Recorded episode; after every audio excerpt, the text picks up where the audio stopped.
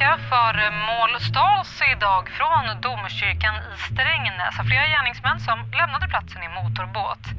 Det här kommer ju bli liksom en, en stor grej. Vi hade ju helikopter här, vi hade kustbevakningen här. Det stod ju klart väldigt tidigt att det var ovärderliga föremål. Alltså det var ju så här hela tiden.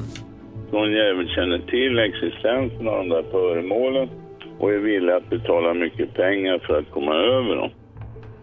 Det är allt jag tänkt på alla år jag jobbar där. Någon gång kommer ju det hända. För liksom de här regalerna är av riksintresse så att säga. Så jag tänkte det var en tidsfråga innan det händer.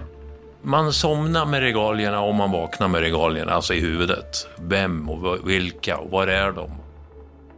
Hur går vi vidare? Det är lite grann som att leta efter en nål i en höstack. Eh, de kan ju faktiskt vara vart som helst. Och hela tiden så hängde ju det som ett, som ett moln över oss, att vi inte riktigt kunde eh, förklara eller veta vad som hade hänt med sakerna.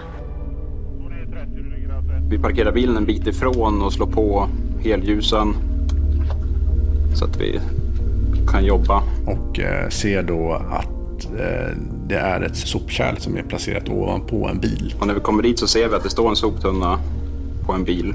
Och på det här villakärlet så har man då sprayat med vit sprayfärg. Bomb.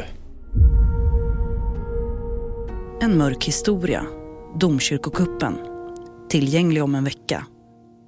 Alla tre delar finns redan nu att lyssna på i podmi appen